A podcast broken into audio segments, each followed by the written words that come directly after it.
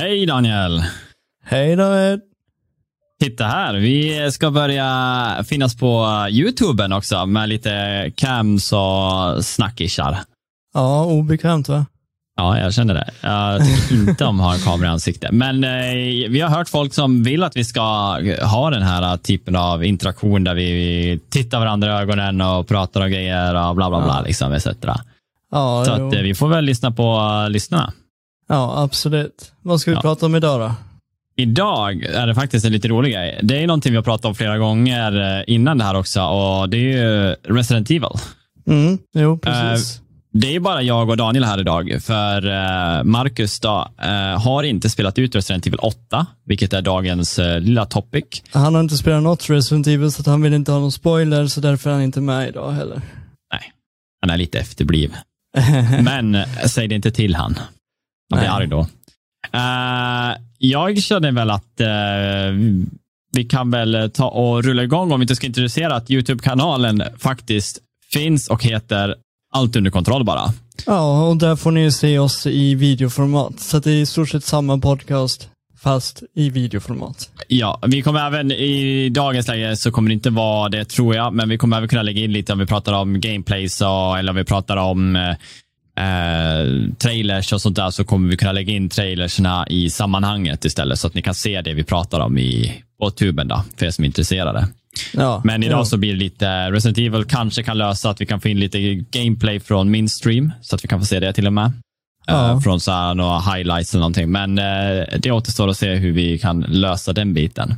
Mm, absolut. Ja, men vi drar väl en liten jingel här och då är vi awkward för nu får vi sitta här och så blir det ingenting som händer. Nej, precis.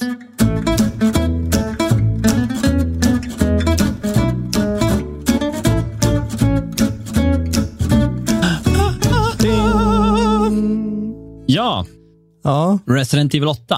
ja, precis. Eh, Vi ska prata lite Resident Evil 7 och 8 för de hänger ju ihop. På Ja, Stå det är ju samma, sa, samma main karaktär i, i båda. Mm, jo precis. Ja, både du och jag har varvat det. Ja, Eh, precis. Det jag tar som nämnas är vi kommer ha lite olika kanske perspektiv på det här, för att jag klarar ju dock ute på, vill inte få skryta, men jag körde ju Nightmare, uh, Mm, vilket är den svåraste svårighetsgraden, som gav mig lite svårigheter som jag kanske tyckte var lite eh, jobbiga vid ett specifikt tillfälle. Mm. Eh, men eh, jag tycker vi kan väl gå lite från eh, Resident Evil 7 först då, om vi har någonting därifrån vi kan liksom ta med oss. så Ja, vi- alltså Resident Evil 7, Resident Evil 8, det är ju liksom eh, du, du, eh, Resident Evil 7 är ju, jag tror det är sju år senare va? Alltså, eh, Resident Evil 8 är sju år senare mot 8 om inte jag minns fel. Mm, det kan mycket väl stämma. Eh, och så Ethan och Mia som är eh, Ethans fru som vi räddar i sjuan har liksom flytt till Europa och ska starta ett nytt liv. Ja, de är väl i under beskydd av uh, vad de nu heter. Jag tänkte säga BSAA, det är det inte. Det är ju det är Umbrella, va? Som Mm, eh, Chris och de jobbar för, alltså Chris Redfield jobbar för, som nu är en helt annan corporation än de som startade själva virus-outbreaken. liksom. Ja, jo men precis. Och det, vi ser ju i slutet på sjuan där att Chris kommer ju och räddar dagen för Ethan och Mia. De, de åker iväg med en helikopter och sen Mm. slutar spelet liksom. Eh, och det här är väl en, en ganska bra, alltså det här är ju en ren efterföljare för, Mm. från, från sjuan. Så det tar ju vid, som sagt, sju år senare tror jag. Mm.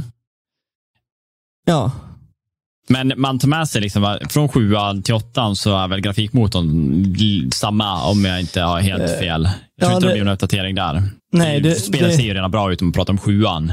De har, ta- de, de har samma motor, det har de. Mm. Eh, och de har ju, ja, sa, exakt samma motor. Mm.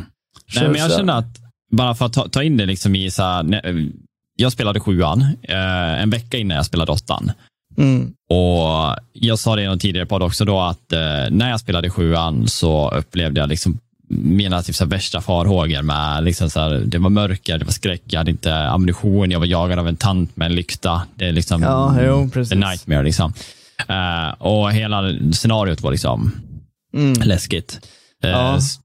Och, och Det som var roligt med sjuan var att jag tyckte om sjuan hela vägen tills man kom till slutet när man är på den här båten. Mm. Eh, jo, där kan jag båten- känna att det blir lite segt faktiskt.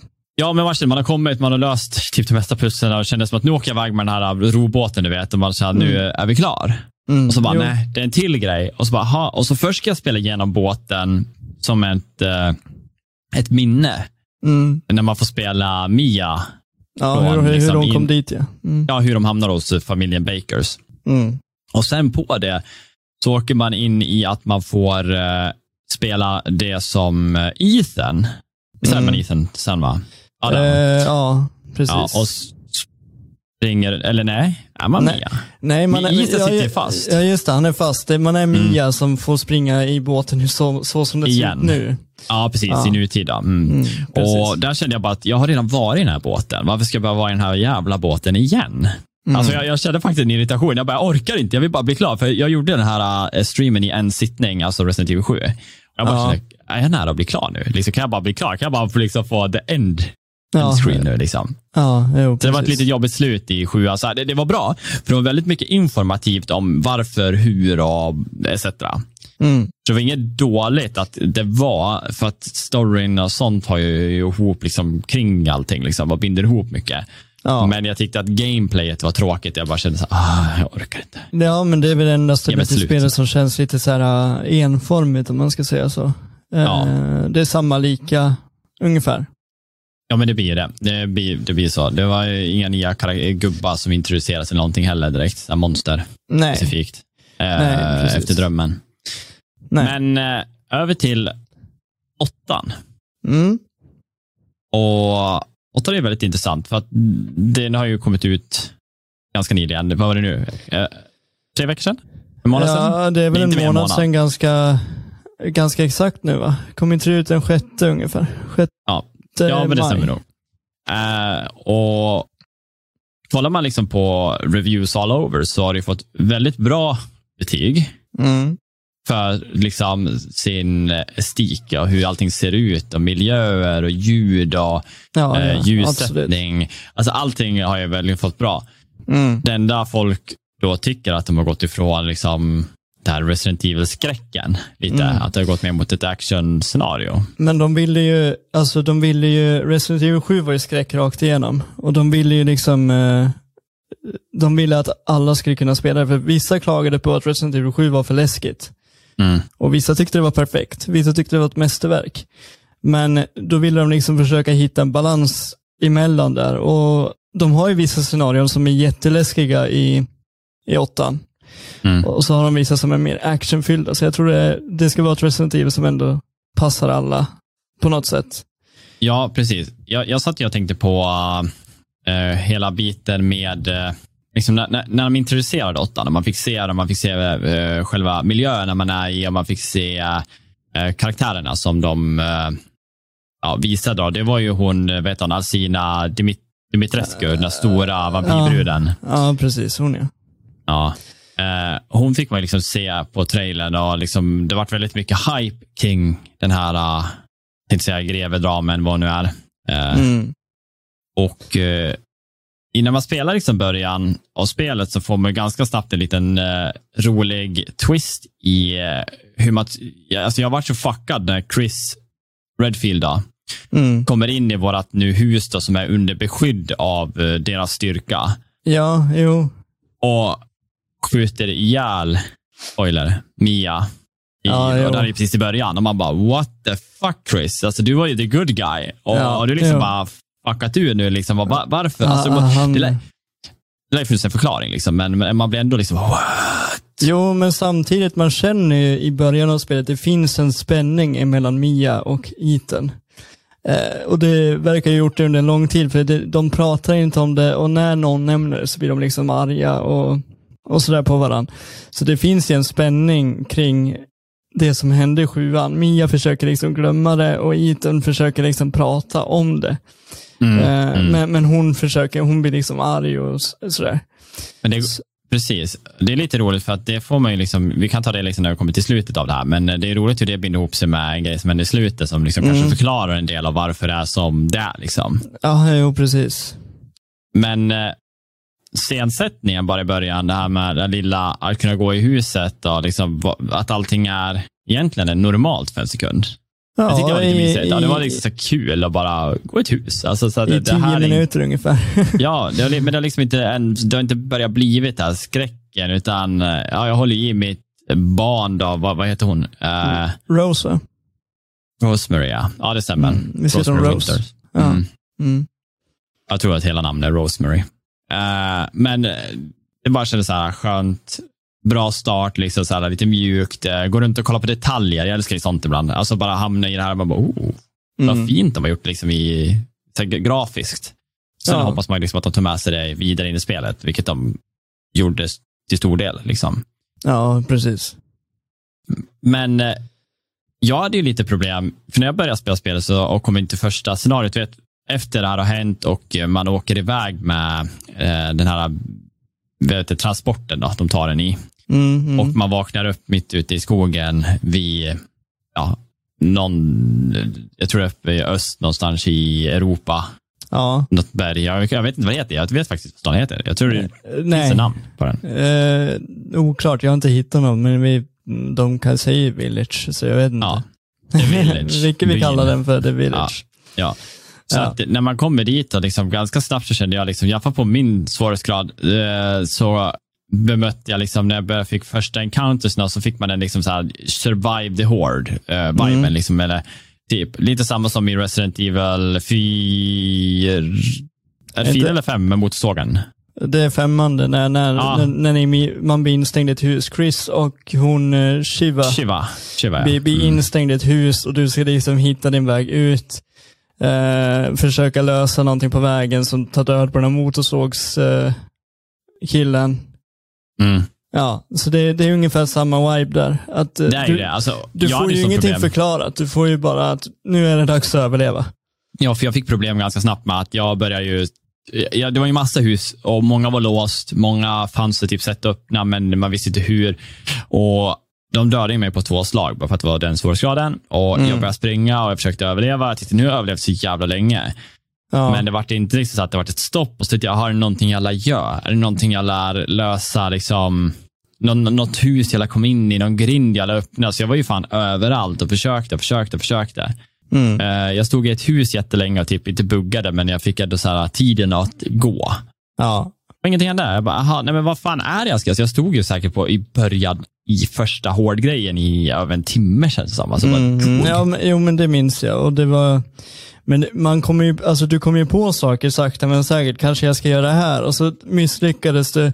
Och så kom du på att ja, men jag kanske ska göra det här också. Så att det blev så här, man fick ju ta det steg för steg och eftersom du körde på svåraste så, så blev det ju att du fick göra om några gånger. Ja, ja, många Ja. gånger där faktiskt. Det, Ja. var, Mm. det, det var två ställen jag dog mycket på. Och resten gick faktiskt väldigt så här, fint genom spelet. Men eh, Ja men faktiskt. Och vi ska ju komma till det ögonblicket då du dog som mest se- senare. ja, eh, frustrationen där. ja, Eh, absolut. nej, men jag tycker att så starten i spelet och introduktionen in i bilen och sånt där var charmig. Ja. Det var bra. Det var liksom snygg miljösättning. Ja. Eh, pusslet var väl inte så mycket i början. Eh, egentligen lite mer än låsa dörrar. Det var ju ganska on, forward on, liksom att bara Mm. eh, utöver att man ska veta att när du får den här grejen survive, Mm. överlev bara. Till slut Ja. kommer det- det vara en grej som händer. Det handlar ju inte om att du ska döda x antal fiender eller så, utan det handlar bara om att du ska överleva. Och det finns ingen timer, men det finns en inbyggd timer som du inte ser, Mm, eh, som, som du ska bara överleva. Precis. Så, så, men det, det säger de ingenting, så man vet ju inte. Man försöker liksom luska ut vad är det jag ska göra, men egentligen så är det ingenting du behöver göra mer än att överleva. Mm. Eh, Nej, men efter man hade varit i bilen, och du vet man har det där samtalet med, eh, man pratar med typ The, The Witch, eller vad det heter, den gamla haggan som går omkring ja, där i stan. precis. Ja, Tok, hon- Toktanten. Toktanten ja. ja. Eh, Det är också så här klassisk häxa. Alltså, jag skulle säga att eh, alltid en häxa ser ut så här med en käpp och dödskallar på dem. Och, Mm. Hon känns ju som alltså, äpplet i, eh, är det Snövit Ja, jo. Ja, det är så gammal Men- Hagata. Men hon känns ju också som den här gamla tanten i Resident Evil 7 som sitter i rullstolen hela tiden. Ja, just det. Så, som bara dyker upp från ingenstans. Tycker inte du att det är roligt eh, om man tar, nu, nu är det ju spoilers i den här. Vi får spoila va? Ja, det är, det är spoilervarning Ja. på den här. Vissa folk så är det spoilervarning. Eh, Så ni vet. Eh, och det som är grejen är att det är roligt att, eh, som du säger, den där tanten i eh, rullatorn då, eller rullator i rullstolen i sjuan, är ju huvudkaraktären. Alltså att det är liksom, ja. I slutändan så får man se att det är ju hon. Ja, hon, är, hon ligger och- bakom hela alltihop. Ja, och det som är roligt också med det är då att häxan i stan Mm. är väl, vad jag förstår det som, alltså i slutet så uppenbaras det ju så att det är Miranda, Mm. Mother Miranda, som Ja. nu är också är huvudkaraktär. Alltså hon visar hon kan ju shapeshifta, så vad jag förstod det som så var hon alltid häxan. ja, Hon precis. försökte leda dig vidare. Ja, att, jag, eh, jag, jag tror att det är hon som är häxan. Det var ju så, så jag tolkar det. Ja, jag tolkar Eh. också det så i slutet, att man bara, okej, hon kan bli, hon är shapeshifter, hon kan vara vem hon vill. Vi vet ju inte vilka vi har snackat med som har varit hon i sådana Nej. fall. Nej, hennes uppgift var ju att leda dig till, till, till ett visst moment i spelet. Liksom. Mm. Hon ville få dig till ett visst ställe i spelet. Ja, men hon har en plan. Ja, hon har Liksom. en plan. Ja, det, det, he, hela tiden. Det är lite coolt i slutet när man har blivit liksom så fooled. Men det är det jag menar också med sjuan, med hon som sitter i rullstolen. Att man även då bara, what? Var jag i alla fall i slutet. Ja, ja, absolut. kunde absolut. inte Det var inte det. Var inte det man liksom räknade att- med. Nej, precis. Den här, det, det är ju där den här efter, efterblicken, eller vad säger efterblicken, den här flashbacken från eh, Mias båt, att det är ju samma unge som är tanten. Ja, de, de pratar ju lite om att eh, hur hennes, jag tänker inte, inte metabolism, det ma- mags, magsmältning, men hennes kropp eh, åldras snabbare Ja, på något sätt. Ja, på grund av viruset eller vad det är hon har i sig. Mm. Jo, precis. Ehm, men eh, vad heter det? Efter man hade haft liksom hela scenariot inne i byn då, som nu är första Mm. stället, då, Mm. då hamnar man ju inne i en situation där man får träffa alla de här, äh, är de grevar, kan man säga så? Eh, det kan man nog säga, ja. Eh, lords kanske, jag vet inte. Ja. Ja, jo. Baroner, baroner är det va? Ja, det ska ja. Barons. Ja, det är bar- baroner ska det vara. Mm, mm. Ja, och då får man liksom se dem i ett uh, hopslaget samman, alltså när de har en diskussion om vad de ska göra med han de har spelat, Ethan Winters. Ja, jo. Eh, och eh, då finns det ju, vad heter hon, Donna Benevento, eh, Salvatore Morao och sen är det ju Carl Heisenberg. Ja, jag kommer inte ihåg alla namn, men det är så heter det säkert. Ja, Nej, men det är de och så är det ju hon Alsina Dimitris, Dimitriscu som är de fyra Ja, baronerna. Och han Carl Heisenberg som har något telekinesis grej han kan lyfta, eller han har något, någonting med metall, jag vet inte, magnetism slash telekinesis. Jag ja. vet inte vad man ska säga att han har för kraft, men, eh, Ja, jo, han, men precis. han får ju liksom en liten idé om att han vill ju leka med oss. Alltså han vill ju skapa ett game där vi ska, vi, vi ska ju dö. Mm. Eh, och eh, i den här grejen så blir vi ju jagade av massa jävla fällor och alltså, så, en väldigt hetsig situation ganska tidigt i spelet. Så när man känner, oh shit, shit, shit, shit, shit bakom sig. Ja, alltså jag skulle kunna likna det med typ någonting, du vet så här att han är typ som den här äh, sa-killen, alltså han vill leka, du vet han kommer säga wanna play a game. Ja, ja precis. och så har han liksom lagt upp en hel rutt som du ska överleva och lyckas du överleva då får du gå därifrån. Ja, typ, eller dör du ändå. Ja, Ja, jo men så. alltså livet är på spel, alltså på, på Ja. allvar. Men eh, den situationen tyckte jag var rolig. Den var liksom så här, eh, jag vet inte om det brukar vara så i Resident Evil-spel när man springer från fällor. Jag har för mig att jag inte kommer ihåg det från de tidigare spelen, att jag har sett Det- på en sån det Nej, det är, väl om du, hela tiden. det är väl om du ska springa ifrån ett eh, sånt här, äh, om det kommer en rullande sten emot dig i full fart och du ska liksom Mm. ducka undan, det är väl det närmsta vi har kommit med en sån grej. Tror jag. Mm. Ja, Och Ja, det precis. händer ju ofta i Resident Evil-spelen. När man ska, ja. när, man- menar, alltså när man ska trycka en eh, knappkombination för att undvika att fastna i gropar, hoppa Ja, över ja. stup och, och allt vad man nu ska göra. Mm, Det är väl det närmsta. precis. Men eh, efter man hade överlevt det där, då kommer man ju till eh, slottet. Mm. Ja, precis. Som är eh, Lady Dimitrescu. Dimi- Dimitrescu. Ja, ja precis. Dimitrescu, kanske. Och om jag ska vara ärlig, jag trodde att hon skulle ha en mycket större roll i spelet än vad hon hade. För att hon... Ja, men hon var ju den utannonserade typ the bad guy. Jag trodde att hon var Miranda, alltså hon som är nu huvudkaraktären i det, alltså som är, jag ska säga, bo, Ja. största boven då. Ja, jag trodde också som dig att Alcina Dimit- Dimitrescu skulle vara en eh, sån karaktär som skulle leva genom hela spelet. Ja, Det trodde nej, men eh, jag tror att hon, är, hon motsvarar typ 20 procent av storyn ungefär, kan man väl säga. Ja, Eh, Om ens det, var, det. det, är ju exakt, om man delar ut dem, liksom att de alla har en egen sektion, vadå, Mm. ungefär lika lång tid, Ja, så blir det ju 20 procent på fem då, eftersom Miranda har också en egen då. Ja jag, men jag tror det faktiskt. Jag, och jag var helt säker på att hon skulle ha en mycket mer större part i spelet än vad hon hade. För det var hon som fick det här stora demot. Det var hon som fick bli Mm. utannonserad. Det var liksom henne alla hoppades på tror jag. Mm. Jo, Eh, verkligen. Men Hon i- är hennes döttrar. I slottet, Mm. Jäklar, där, där har de lyckats på detaljnivå med känsla. Alltså, the environment där, Mm. för mig, Mm. var on point. Alltså det var så här, äh, jag älskade att gå i det där slottet. Alltså jag letade i varenda jävla grej och jag tyckte om det här mappsystemet med eh, när du trycker upp kartan så eh, om det lyser, om, om ett rum är rött, Mm. då finns det ju ett item du inte har hittat. Ja, jo, men precis. Och så är det ju med, på kartan rakt igenom spelet. eh, Att, Ja. eh, Så att du har Men koll. precis. Mm. Och sen om det Eh. varit blått så då har du gjort klart rummet. Då. Så då vet man att nu finns det inget mer att hitta. Kanske så de här små jätterna man kan ha sönder. Mm. De tror jag inte syns om det är rött eller blått. De bara är där. Liksom. Så de får man hitta själv om man vill ha achievement för det. Ja, jo, men jag känner också att eh, he- hennes slott, det var Resident Evil 1-känsla för, för mig. Alltså det var så här, du vet, eh, lösa pussel, hitta nycklar, ta dig till nästa rum. Eh, det var ju ungefär samma känsla som om man skulle spela Resident Evil 1. Mm. Verkligen. När man stannar i mansionen liksom, och så ska man hitta sin väg. Liksom. Ja, det Ja. var... Pusslerna Mm. var ju, som du säger, som mansion-pusslerna. Alltså så här ish. Ja, jo, men inte allt för svåra heller för den delen. Nej.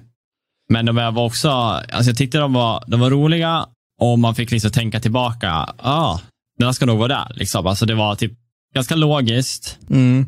men ändå så kanske inte att alla klickar på det direkt. Ja, nej, det var ju inte sådana här, det var ju inte sådana här, vad heter det, som i Resident Evil 1, att du måste springa fram och tillbaka hela tiden. Alltså du vet, du går in i ett rum och så får du reda på att den här ska vara i nästa rum, så lär du springa tillbaka och så ska du springa tillbaka med en grej till och så, ja, det är mycket mer spring i Resident Evil 1 eh, mansionen, men här är det lite mer logiskt. Ja, och det, de gjorde ganska bra med att lösa att allting typ gick runt. Mm. Eh, Du kunde liksom gå runt i lokalerna utan att känna, alltså, det, var inte, det var inte för svårt manövrerat och eh, du kunde gå på, från flera håll. Ja, jo precis. Eh, och sen storywise var roliga, liksom alla letters som låg där inne med brev från tidigare personer som varit med och byggt upp stället, alltså små, Mm. så källa, alltså inne i källaren och allting. Mm. Så det var, ro- det var roligt att läsa dem. Det var liksom verkligen eh, att de varit inbjudna, började märka att den här, den här familjen är ju fan speciell. Det var liksom, det, de vet inte att de är liksom monster, Mm. vampyrer, ish, zombies. Mm. Så att, eh, det var roliga brev att läsa. Jag tyckte det var väldigt kul. Jag tror jag läste de flesta. Jag tror jag missade fyra stycken sådana grejer man kunde läsa totalt av alla. Ja, ja, ja. Så, och Det var någon rapport jag inte lä- läste allt, så här, när det var väldigt mycket bara teknisk data där i slutet när man är vid Heisenberg. Men Mm. för övrigt så läste jag typ det mesta. Ja, jo men jag var ju med när du, när du läste och grejer. Det var intressant. Mm. Och sen, jag är inte sån här som, så, jag, jag läser de brev jag hittar. Jag går inte för att hitta, jag går inte för att hitta alla brev, det gör jag inte. Men jag var med när du hittade dem så jag fick lite mer kött på benen då. Ja, du, precis. Du såg hela streamen. Mm, ja, jag spelade ju spelet och så sen såg jag din stream. Mm. Eh, och så, ja, jag satt, vi satt väl i 14 timmar på din stream va? 12, Ja, jag 12 till tog 14 nog, timmar. nej, men det tog nog 14 timmar ganska, ganska precis. eh, för att bli klar med hela jävla spelet. Jag hade planerat att det kanske skulle ta runt 10, 9, 10, men det vart, eh, det vart jobbigare alltså, än vad jag hade tänkt. Jag fastnade på eh, ett ställe i två och en halv timme, tror jag, typ nästan två timmar. Ja, jo, jag tog en powernap under den tiden, faktiskt. Ja, det var en boss, för att säga. Vi kommer dit snart. Men vi går Ja. igenom slottet. Eh, I slottet fick man ju möta mi- lite minibossar också. Mm. Och det var Dimitrios ju döttrar. eh, döttrar. döttrarna. Mm. Och det är väl Da- Daniela, Bella och Cassandra. Ja, om jag kommer- eh, om jag kommer ihåg rätt så heter de så, ja. Mm. Mm. Och de tre var ju inte svår egentligen. Du Nej. fick ju ganska snabbt en, eh, vad jag tyckte var lite, ja, eh, okej vi tar det så här. Jag gick i källaren, jag läste Mm. ett brev. Det stod att eh, det var en kille som hade varit uppe, han hade tagit hand om vet du, det, döttrarna och så hade han typ lagat mat eller något. Jag kommer inte ihåg vad han hade gjort, men han kände så här, okej. Eh, men jag släpper in lite eh, liksom, ljus. Så han öppnade ett fönster och de där vart ju hyschade till och vart arg vad jag förstod det som. Alltså, om jag kommer ihåg brevet rätt. Ja, mm. Och ganska snabbt då så tänkte jag så här, okej. Men det betyder ju att de inte tål eh, sol eller kyla, eh, alltså typ något sånt. Sen Ja. hittar man ett till brev där det står så här, okej, nu de här eh, kan bli, de kunde ju bli insekter. Alltså något typ en svärm av, eh, vi säger bin. Mm. Och när de var det, då, då, då stod det att på den här grejen att de här flugorna, eller vad fan det är, flugor kanske, att Ja. de eh, har, de tål inte kyla. Nej. Och att liksom de blir helt, ja, typ crazy loco om de blir så. Och vid ett tillfälle då när man möter första dottern till hon, Mm. då hoppar hon på en och Ethan ramlar bakåt och försöker skjuta henne. Ja, just det. Ja. Och så säger hon, haha, you can't shoot me, eller you, you, can, you can't hit me with bullets, eller någonting sånt där. Och Mm. eh, då eh, typ kollar han och så bara, ja fast det var inte där jag siktade. För då skjuter han sönder rutan som släpper in kylan på henne och man, hon börjar skrika, bara, typ, och då kan det göra skada. Att Mm. de blir träffade av kyla. Mm. Och där känner jag så här, varför lät de inte mig använda mig av min kunskap? De tog från mig liksom det pusselbitar, utan de bara löste den själv. Och då Ja. förstod man ju att alla de här döttrarna, sen när man mötte dem, ja, jag lärde en del att göra öppna så att kyla kan komma in. Ja, jo, men det, det är precis. Och det kände jag att det, var lite tråkigt. Alltså, om jag ska vara ärlig så kände jag så här, det, det där hade jag, jag visste ju det här nu, för jag hade läst det där. Om inte alla Mm. läser så kanske de inte vet. Jag vill inte Nej. heller att de ska ta från mig möjligheten. Men om vi säger så här, om du inte hade hittat lappen, Mm. utan fortsatt spelet, tror du att Ethan fortfarande hade skjutit på fönstret? Eller tror du inte Ja. att han hade vetat om att han skulle skjuta på fönstret? Jag tror han hade skjutit. Ja, det hade han säkert, men Ja, det hade jag- varit alltså, ganska jag- ologiskt egentligen. Det, det finns ju inte så här, Resident Evil är väl inte känd för att du har flera val. Va? Ja, Alltså- fast Resident Evil 7 hade ju ex, några, några ställen där du kunde välja själv. Men det var ju liksom inte storyavgörande på det viset. Mm. Men eh, Hade jag satt och det? tänkte, Ja, det kanske de hade ja. Ja, två, två, tre ställen skulle jag väl kunna tänka mig att de Mm. hade. Men jag menar bara att äh, då, om inte du hade hittat brevet så kanske han inte, då hade det varit konstigt om han skulle skjuta på fönstret och bara chansa på det bästa. Liksom. Men det var det jag menade, det var det jag tyckte var roligt. För att eftersom det var så, alltså jag, jag, jag starkt tror att han skjuter på fönstret ändå. Ja, Och det är därför jag tycker det var konstigt. Så va, va, varför har de den sekvensen med? Mm. Liksom, det, det är så Jo. ologiskt att han helt plötsligt bara av en spontan grej skjuter sönder rutan. Mm. Eller var det att han faktiskt, i blicken såg det ut som att det var meningen, men han kanske missade hon och det gick igenom, han råkade träffa rutan och rutan gick sönder. jo, det kan ju vara jo, så också. Men, precis.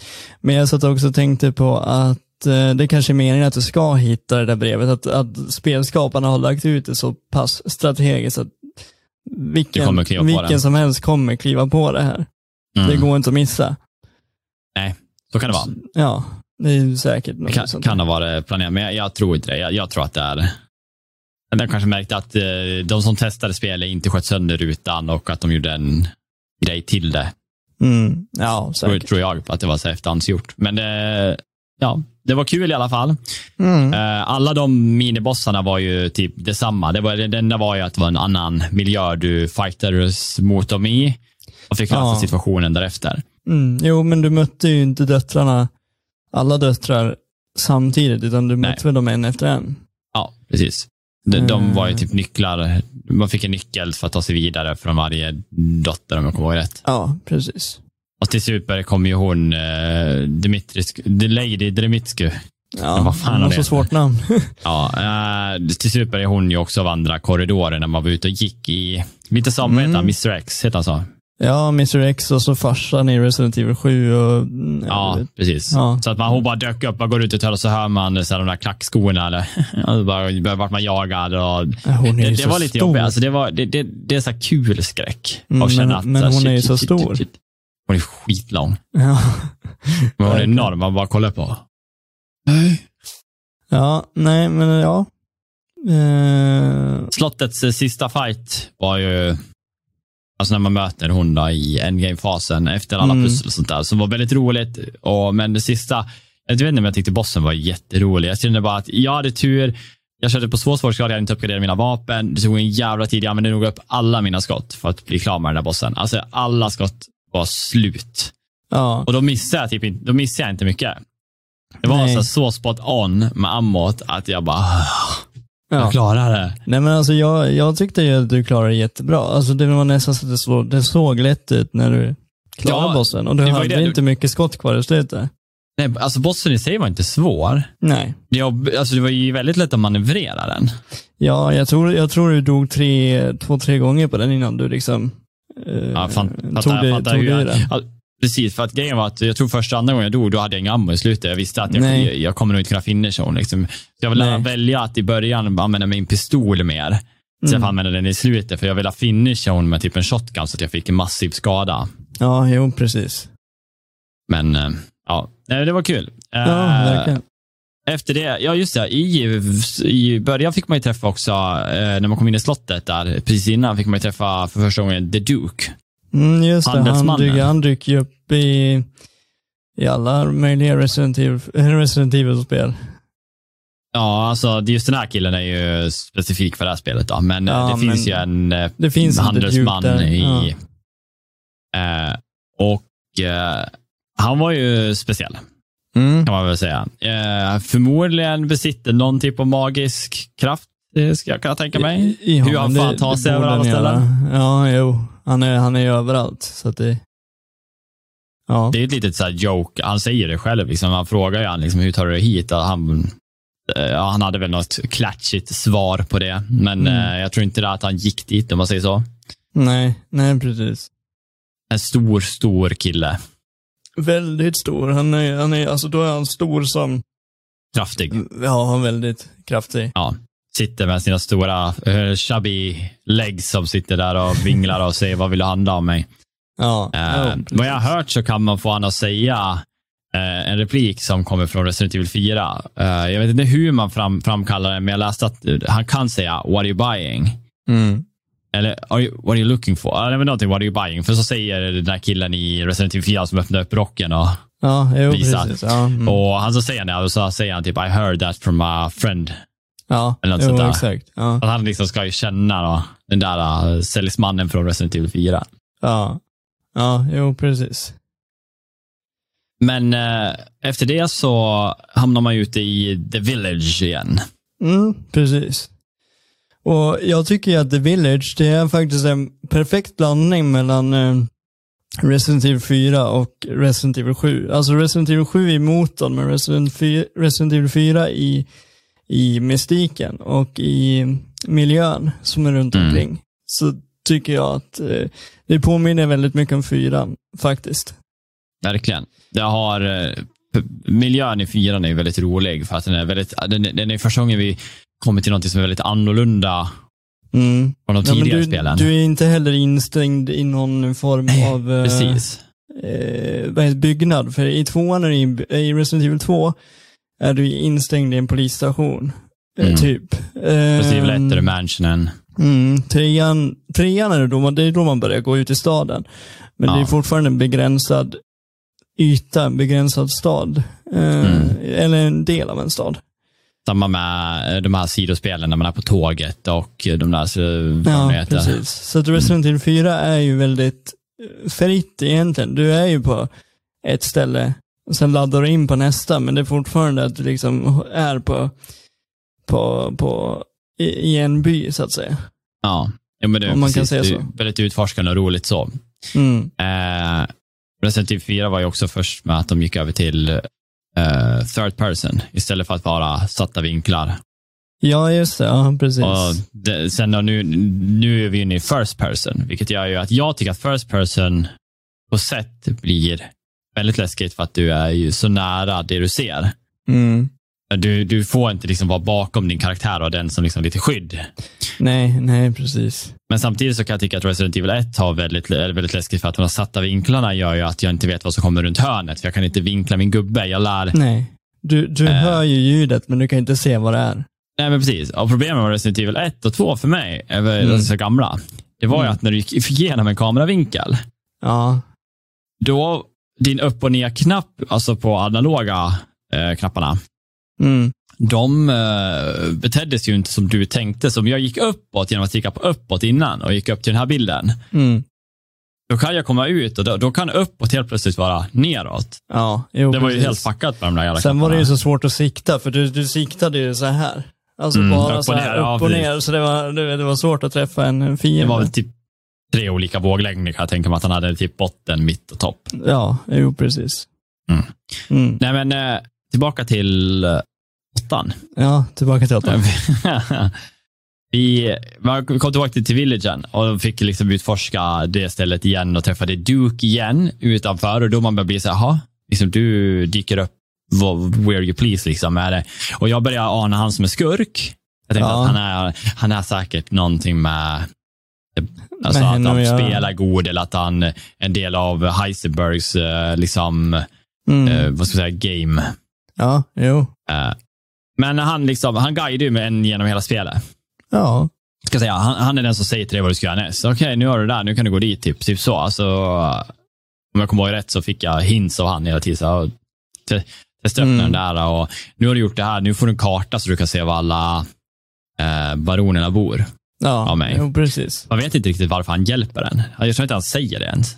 Nej, nej inte riktigt. Men han, han har ju någon form av, eh, inte agenda, men det får man ju veta i slutet vad han, lite grann vad han tänker. Eller vad han har Ja, för precis. uppgift, menar jag. Mm. Ja. Men vad, sen kom man till, efter man hade gjort första stället och varit inne i slottet nu, så var väldigt bra. Mm. Eh, perfekt blandning mellan lite så action, men då skräcken för oss här, eh, Resident Evil 2 Mr X, att hon går och jagar en och det är pussel, bla bla bla. Mm. Eh, då hamnar vi in på det dockhuset då, va? In. just det, ja, dockhuset, det var, det var lätt den läskigaste delen, alltså i spelet tycker jag. Eh, personligen. Mm, vad heter hon? Donna Be- Benevento? Benevento? Någonting sånt där. Ja, ja. Som nu är baronen som är, hon har en docka som hon, alltså enligt breven vad jag förstod så, så är det någon som börjar hålla på med några växter. Och de här växterna gör så att folk kan hallucinera. Ja, Eh, vad jag förstod som när jag gick igenom de här papperna och hon tog dit eh, det, så här, The Florist Man då, i byn då. Och eh, han fick plantera blommor där antar jag. Då, sådär. mm. Eh, så det är väl det som gör att man hamnar i den här, när man kommer in i typ en hallucinationsvärld där det händer saker som kanske egentligen inte händer, men ditt psyke spelar dig spratt av ja, det. ja, men det är ingenting precis. som sägs, utan det är väl om du har läst, som jag förstår, med att bara, det är så det är. Mm. Ja, men det är Eh. sånt där man inte skulle förstå om man inte läste eh, papperna. Och det, det jag känner när folk spelar Resident Evil är att de går miste om att läsa de där papperna vissa. Alltså papperna täcker upp för mycket story. Egentligen. Ja, men de, har inte, de har inte bara lagt ett papper där bara så bullshit på. Nej, man får alltså, man får egentligen inte mycket story av spelandet, utan det är mer av läsandet som du får din, din eh, fair share av storyn, har jag upptäckt i, Mm. genom alla Resident Evil-spel. Eh, precis. Eh, men det huset var ju väldigt roligt. Jag fick en så typ liten, jag tänkte amnesia-vibe. Mm. Eh, fortfarande pussel. Inte Ja. det svåraste, det var mer liksom så här, eh, kom ihåg vad du såg pussel. Kom ihåg eh, liksom så här, eh, sätt dem i rätt ordning pussel. Liksom, Mm, mm. jag säga.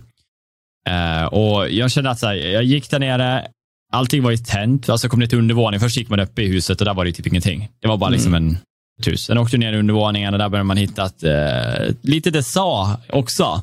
Mm, mm. Sen med tvn och det kommer igång lite grejer så här och så ska man lösa ett pussel och så är man under typ threat liksom. Och då inte en viss tid men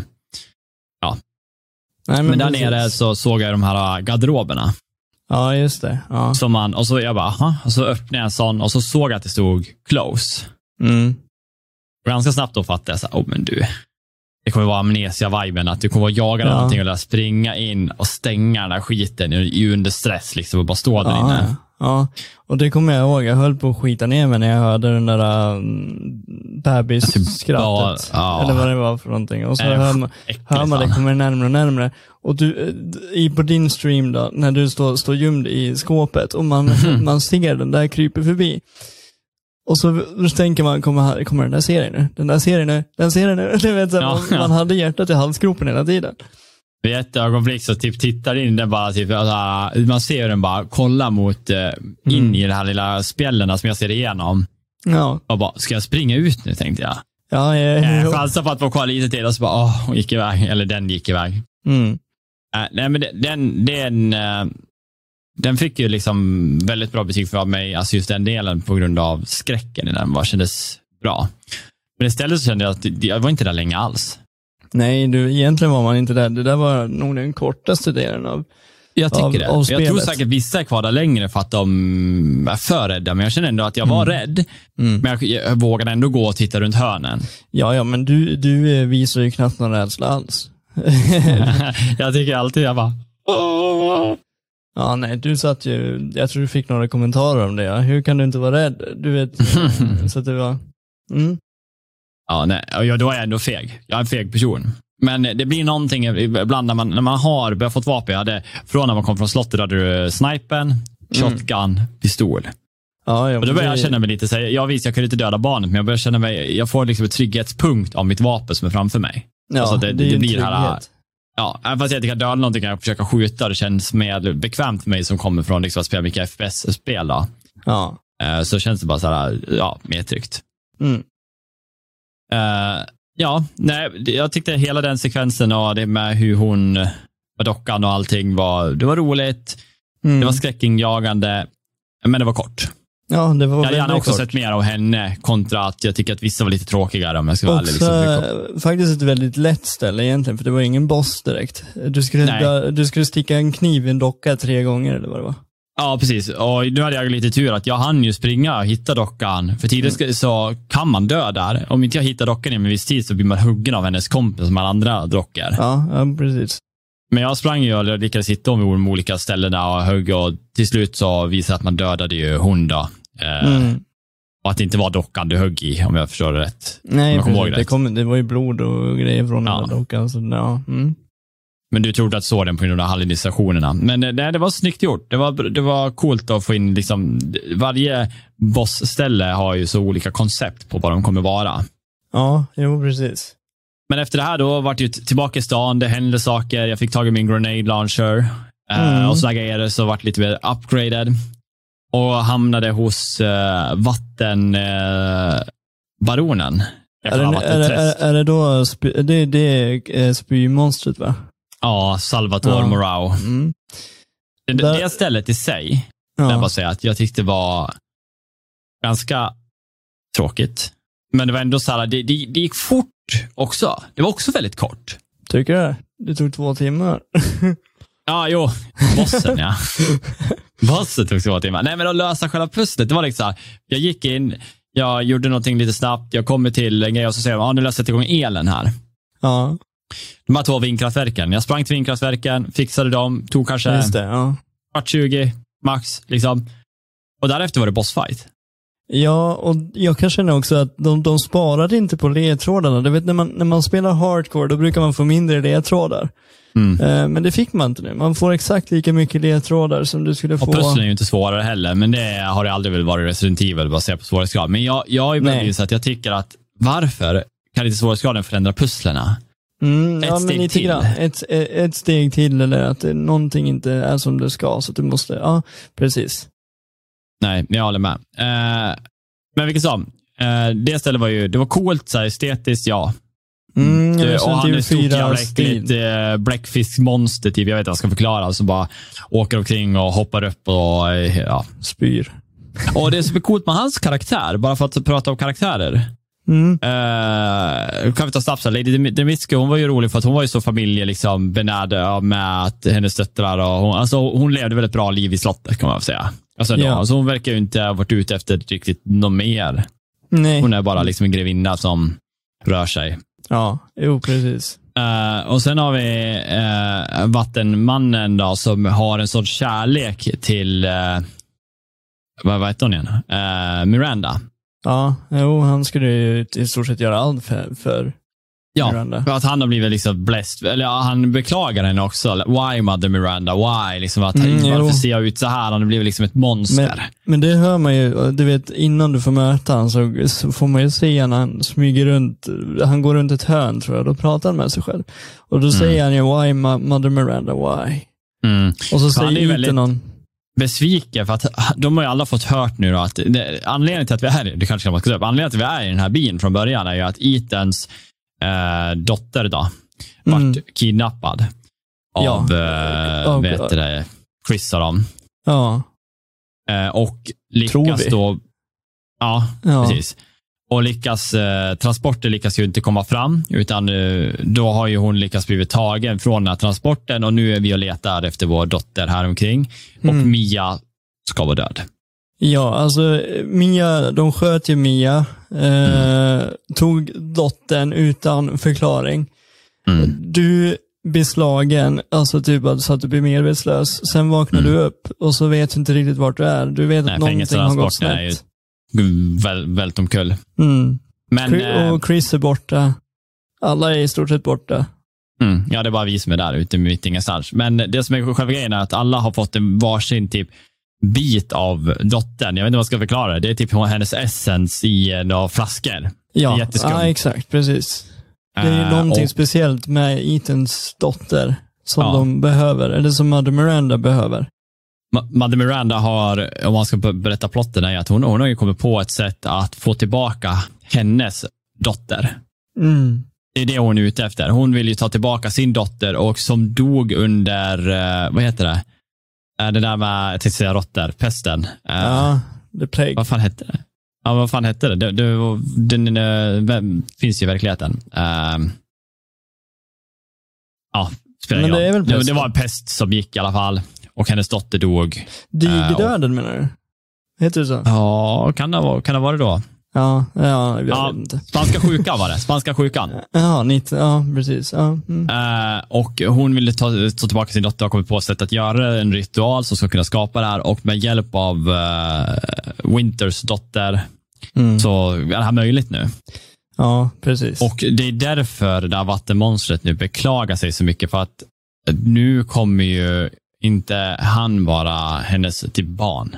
Nu kommer hon få sitt barn mm. där. Och hur kommer det påverka hans relation med Henne. Miranda? Ja, precis. Eh, för han, du, han, han är ju rädd att han kommer bli utbytt och han är ju också villig att bevisa sig som värdig för Miranda och det märker man ju när man är där eh, när man möter han som boss att han ropar for you mother Miranda och han, liksom, han gör ju eh, även fast det gör så ont och han blir skadad så liksom kämpar han på för att han vill bevisa sig.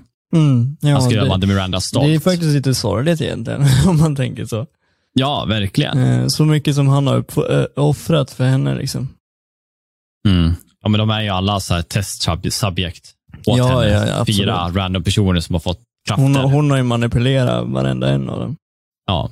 Men eh, jag kom till bossen Ja, exakt. och här var det roligt. Det har varit jättekul.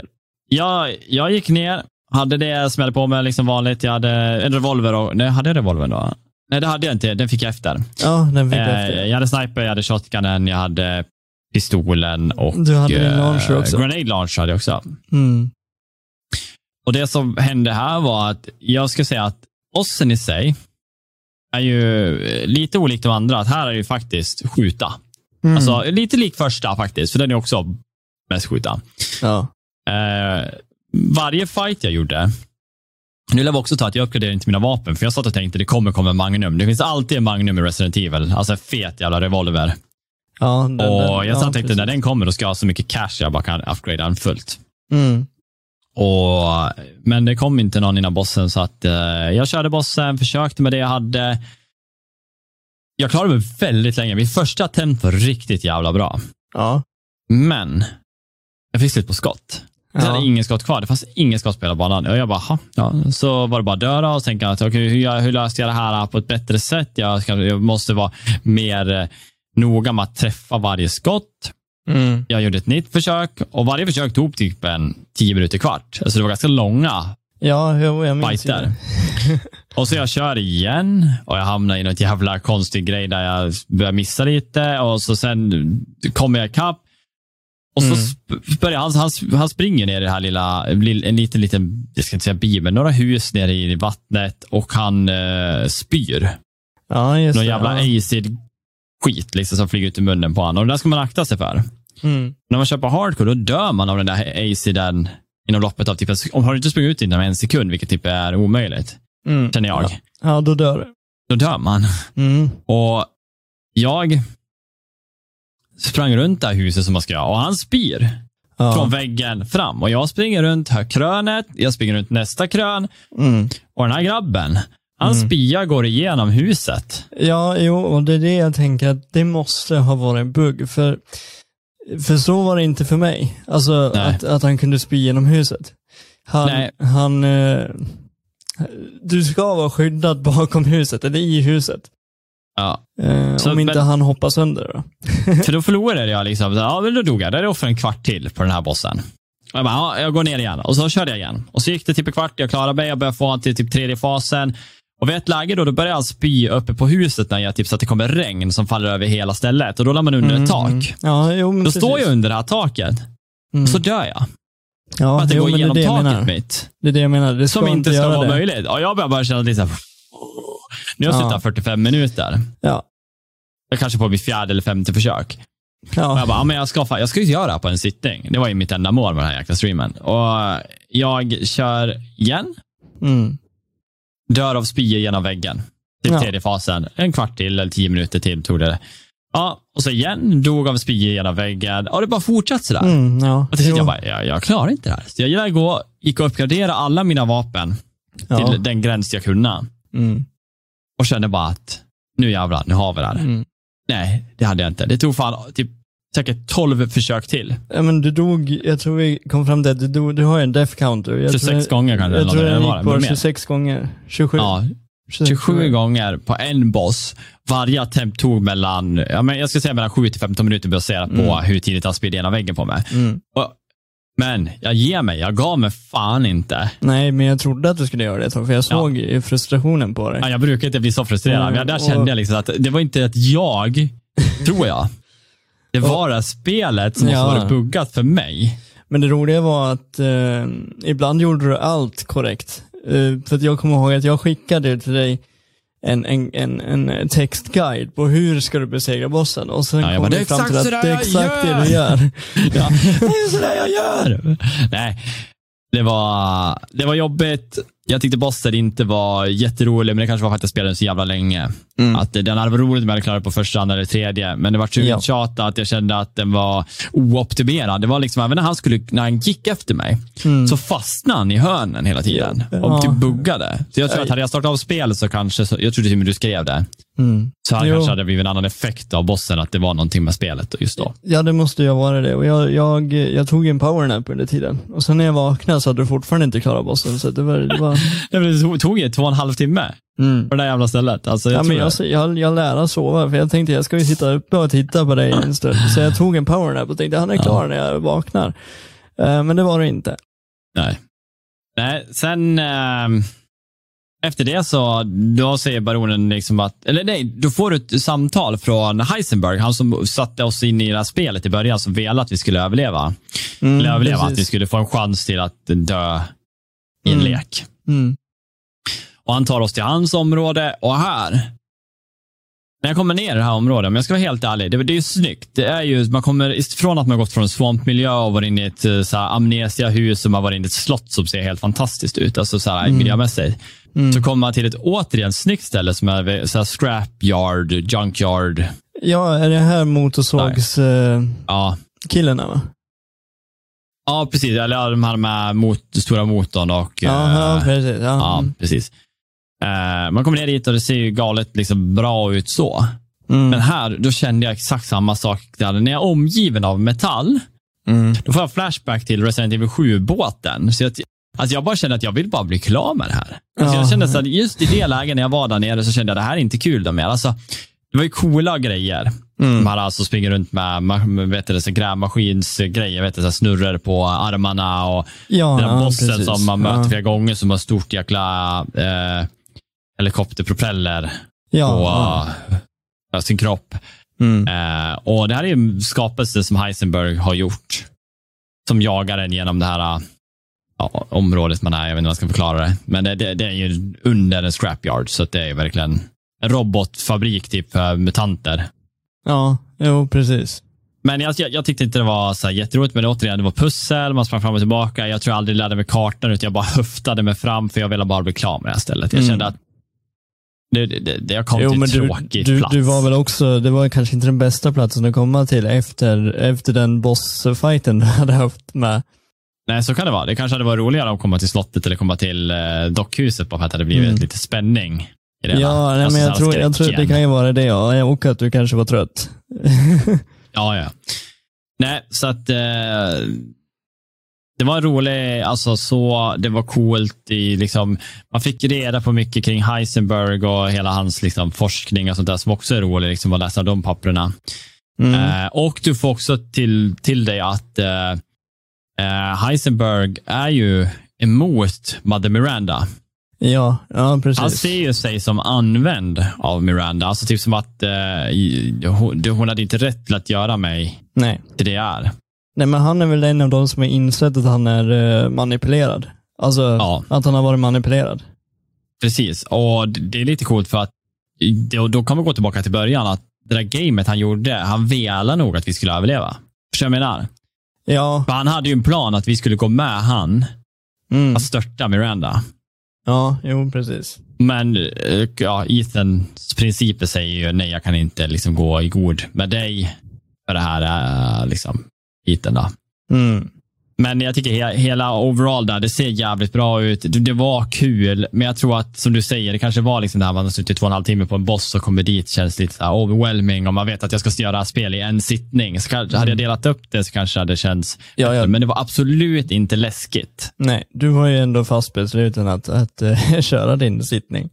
Ja, ja. Uh, Men vilket som, jag som jag beundrar efter, efter den bossfighten egentligen. psyket, psyket håller. Ja, psyket höll. Psyket höll.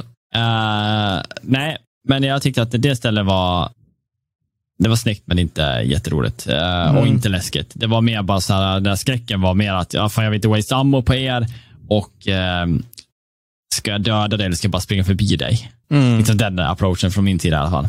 Ja. Sen eh, kommer man till eh, sista de- delen som är eh, både spelad av Chris. Ja, det är ju där man får veta någonting jätteintressant egentligen. Eh, Ja, nu kommer vi ju till, till The Plot Breaker. Ja, där tar en plot twist. Ja, nej, men i det här läget så eh, när man möter, innan man möter Heisenberg så blir man, man kommer upp och man får eh, en introduktion igen av Heisenberg så blir man nedknuffad till avgrunden igen. Du är så flera 10-12 våningar ner, nej, men jag vet inte hur långt du faller, bra långt. Mm. Eh, blir nedputtad igen och så får du börja om längst ner igen. Men när du väl står här nere nu så träffar du på Chris Redfield som är där nere Mm, just det. och håller på att mecka på typ en typ av maskin då, som är gjord av någon specifik metall som inte går att manipulera. Mm. Jag vet inte fan vad det är, men eh, han har fixat den och han berättar för en om, eh, han säger så här, du, du, du, du förtjänar att få veta liksom sanningen. Ja. Eh, vi har haft koll på er, liksom, de har ju, vi har varit under, alltså, vi som, alltså Ethan och Mia Winters och, uh, heter hon dottern igen? En Rose. Rose. Mm. Har varit under protection då, av dem och de har märkt att Mia är inte Mia då mer. Nej, hon har betett sig konstigt på Ja, något sätt. Och Så de visste på sätt att Mia är nu äh, vet det, Miranda som Mm. kan shapeshifta. Mother Miranda har alltså tagit Mias eh, plats. Så ingen Ja. vet egentligen vad Mia är.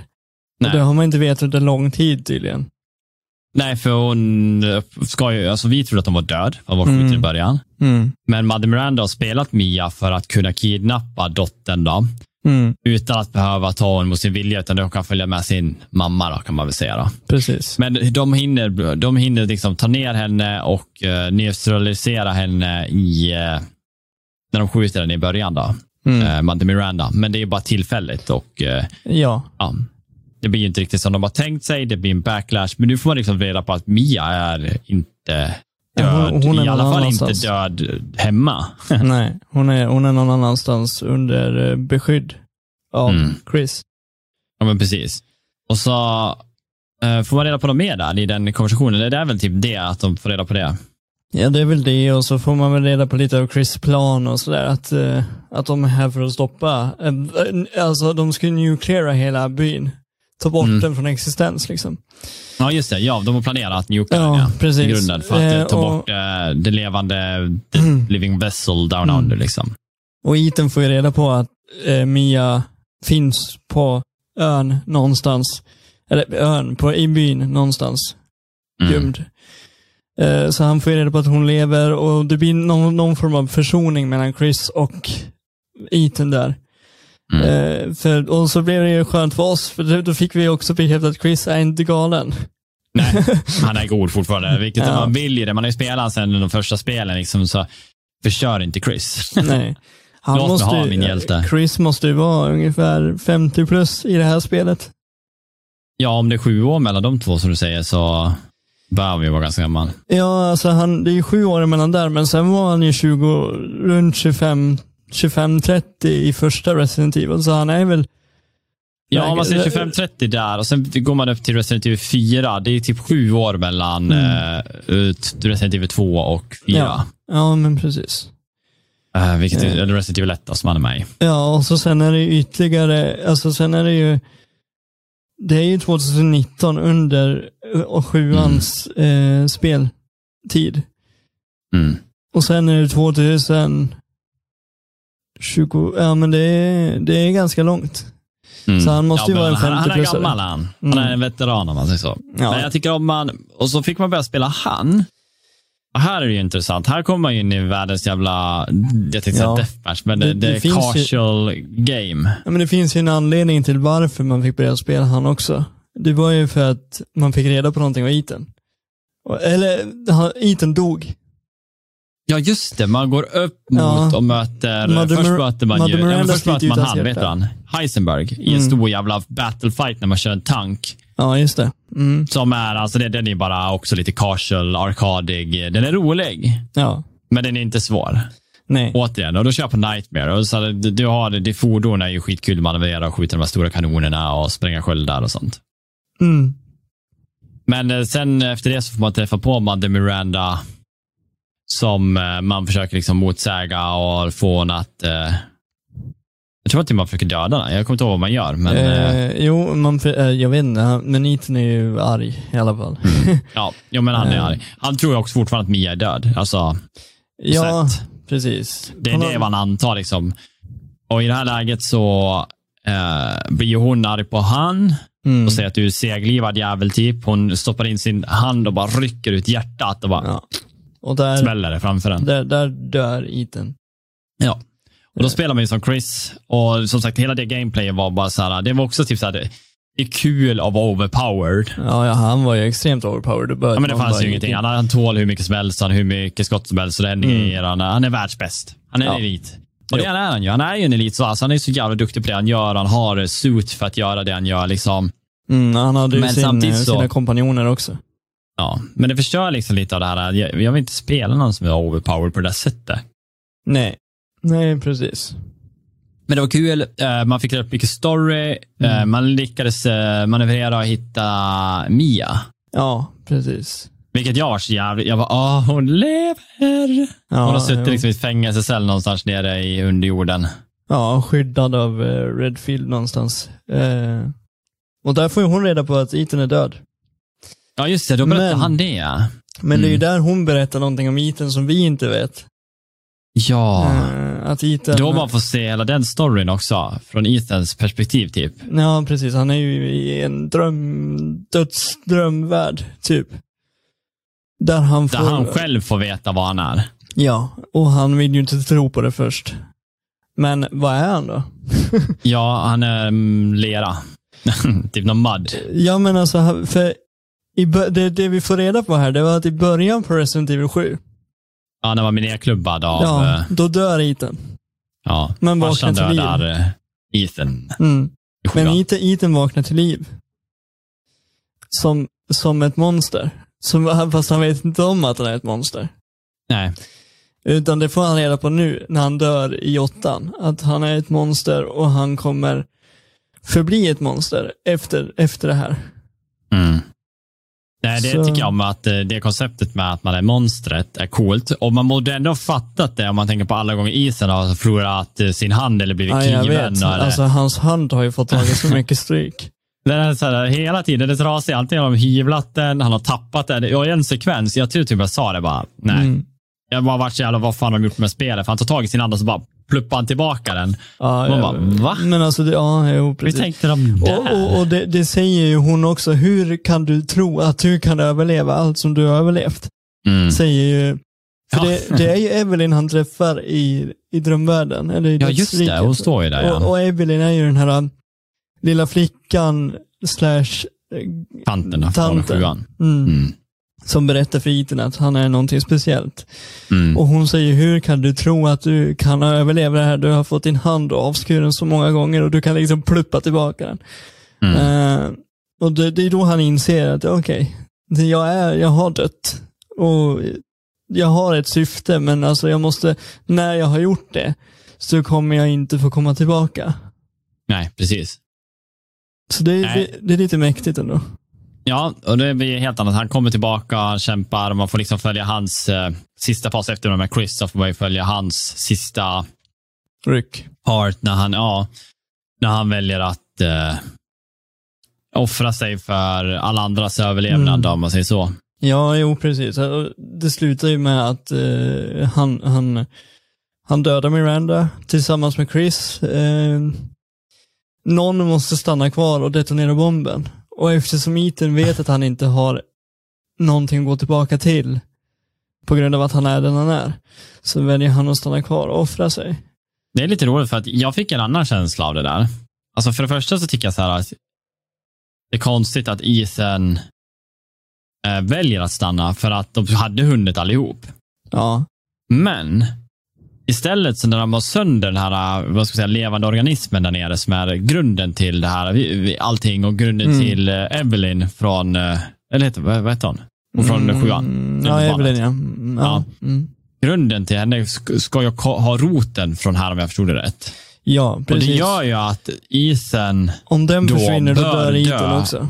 ja precis, dör organismen bör isen dö. Mm, allt som den allting dör. organismen har skapat dör, dör ju. Och Ja. Ethan är ju en av dem. Så Ja, men det, det är eh, det han, de förmodligen fattar att jag kommer Ja. dö, så att han han, väljer att han vet ju det och därför så stannar han Mm. kvar och offrar sig. Mm. Eh, Och här får man ju också se en väldigt eh, känslomässig Chris Redfield som vi inte har fått sett tidigare i tidigare spel. Mm, han, han är väldigt känslomässigt förstörd av det här. Alltså, när han kommer Men han har tillbaka en till connection med flygplanet. Ethan, det liksom. märker man ju. Att han, han anser ju han lite som en vän. Alltså, Mm, ja. overall liksom. Ja, Ehm, precis. men, eh, ja, spelet avslutas ju inte riktigt där. Det blir ju liksom cinematic där man får se lite senare. Eh, för man lyckas ju rädda dottern då, eftersom man dödar Miranda. Mm. Och eh, de tar henne med då. Men det sista man får se det är ju att eh, dottern blir typ eskorterad av någon från eh, den där... Eh, Ja. ja. Man kan Jag- säga att- alltså, du? Man kan väl säga att Chris har ju omfamnat dottern. Han lovade ju Ethan att ta hand om hans Ja. dotter. Mm. Så han har ju gjort henne till, till en eh, medlem av Umbrella som, som jag förstår det.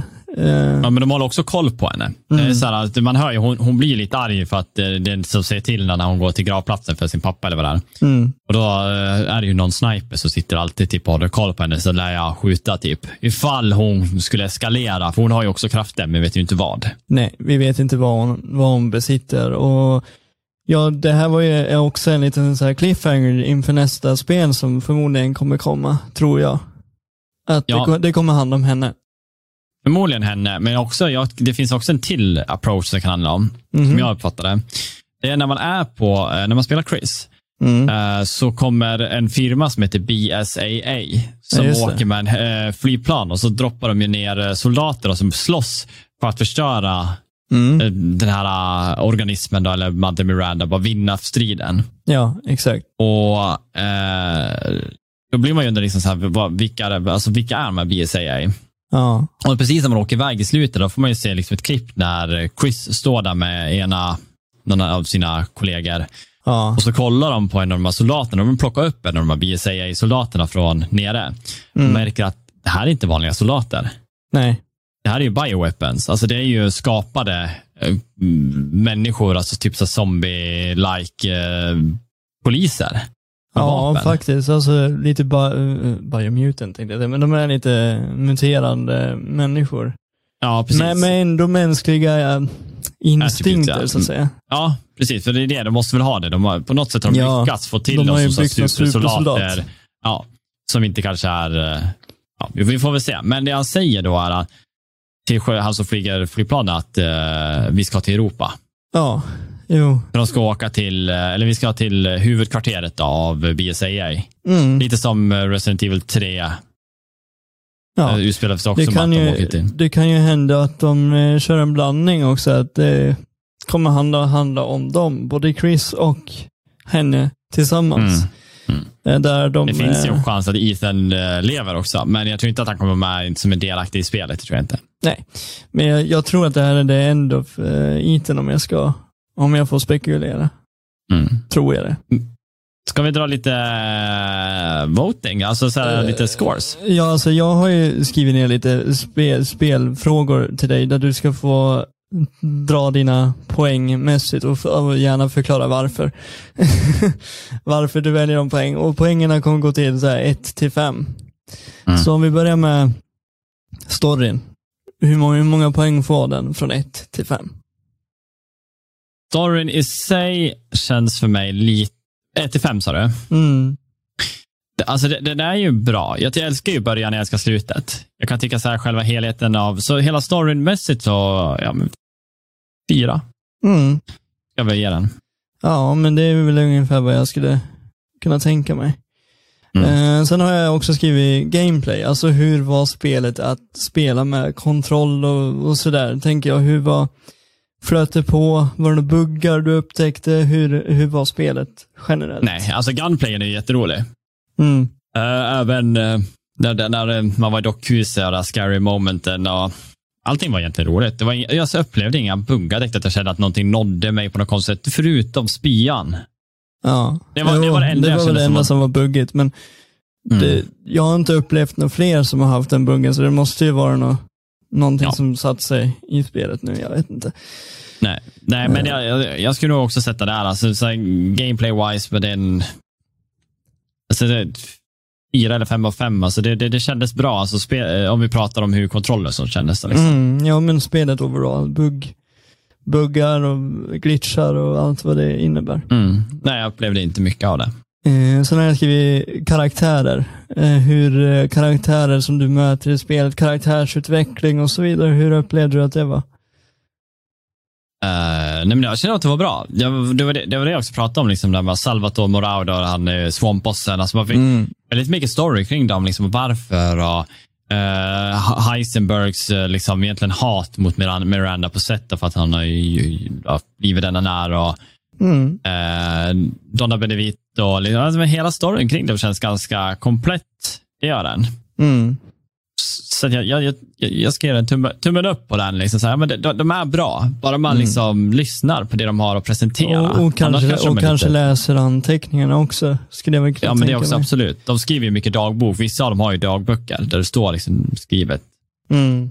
Och så sen har vi, sen skrev jag också miljö, hur var, hur var miljön? Miljön är fantastiskt. Alltså, här, miljön är ju verkligen så här, mm, mm. Om du det jämför är- den med andra Resident Evil-spel så tänker du ett till Resident Evil på 7 den var ju väldigt bra. Jag tycker om Resident Evil 7 också. Mm. Men alltså det, det, är så här, det, det är så nära fem det kan, kan, kan komma, tycker jag, liksom så miljömässigt. Jag trivdes i alla miljöer. Vissa var lite tråkigare, men det var liksom baserat på eh, kanske vad jag gjorde under Ja, ja, men jag tänker, du vet, så här, om man tänker så här, eh, ljusuppbyggnad och, och, och Mm. Ja, texturer är och sådär, tänker jag. Lju- Ljus jättebra. Mm. Eh, ljud också, jättebra. Mm. Jo, men det är Så det jag hela den där biten, alltså atmosfären, så nailade de med en femma. Mm. Gjorde de. Och så skräckupplevelse 1 till 5. 1 till 5. Ja, alltså början, dockhuset. Eh, Dockhuset var ju läskigt, men jag kom också över det ganska snabbt. Så jag lärde mig att hur jag kan manövrera barnet. Då. Mm. Så det kanske är overall två och en halv skräck. Jag skulle nog sätta en trea ändå. Alltså, det är ju inte full podd, det är ju absolut inte full podd. Mm. Men en trea någonstans. Men det var jag hamnade liksom med mitt, liksom här, ja, två och en Mm. halv. Det får vara där. Ja. Spelets overall-poäng, hur var spelet generellt? Alltså hur var hela spelet? Om du slår ihop allt till en enda stor kaka. Jämför man med hur jag skulle vilja att det ska vara, om jag skulle säga att det, det hur jag skulle vilja att det ska, vara tia, Mm. kanske hamna på um, sju.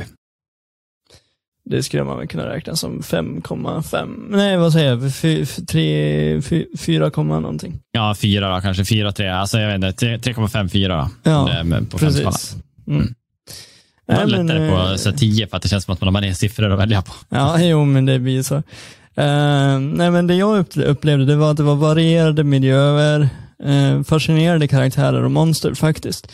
Mm. Eh, det man upptäckte var att det var ju liksom någonting som var ständigt i Mm. spelet. Det var det här varulvsliknande monsterna som fanns i Village.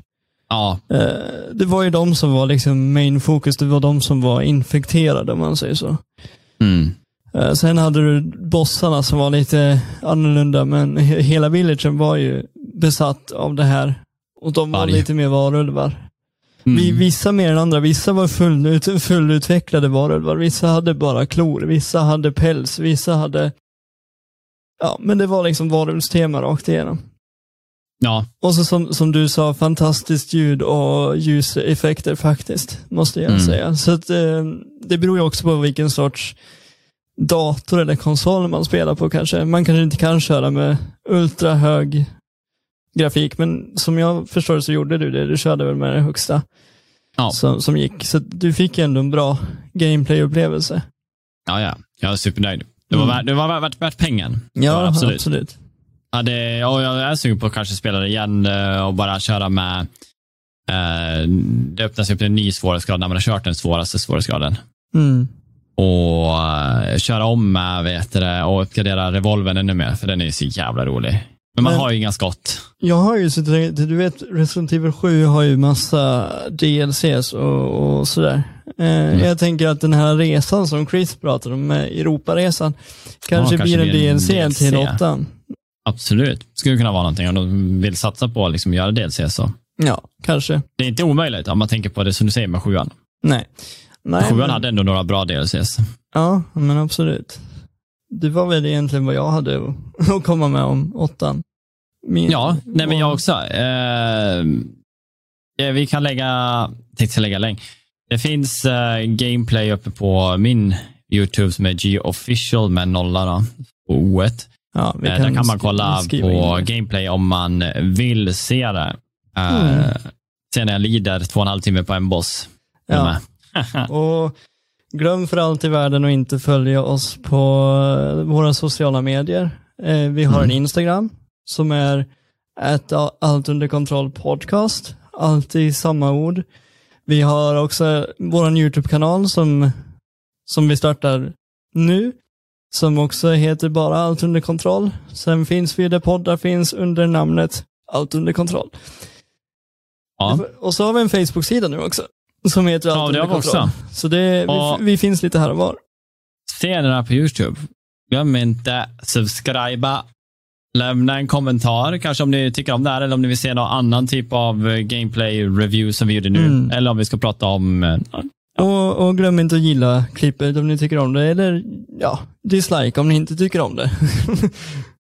dislike, det vill vi inte ha. Nej, men om de inte tycker om det så kan de Nej, men det får de inte göra. Ja, då kommer jag hem med spaden. Ja, ja. Ja, ja.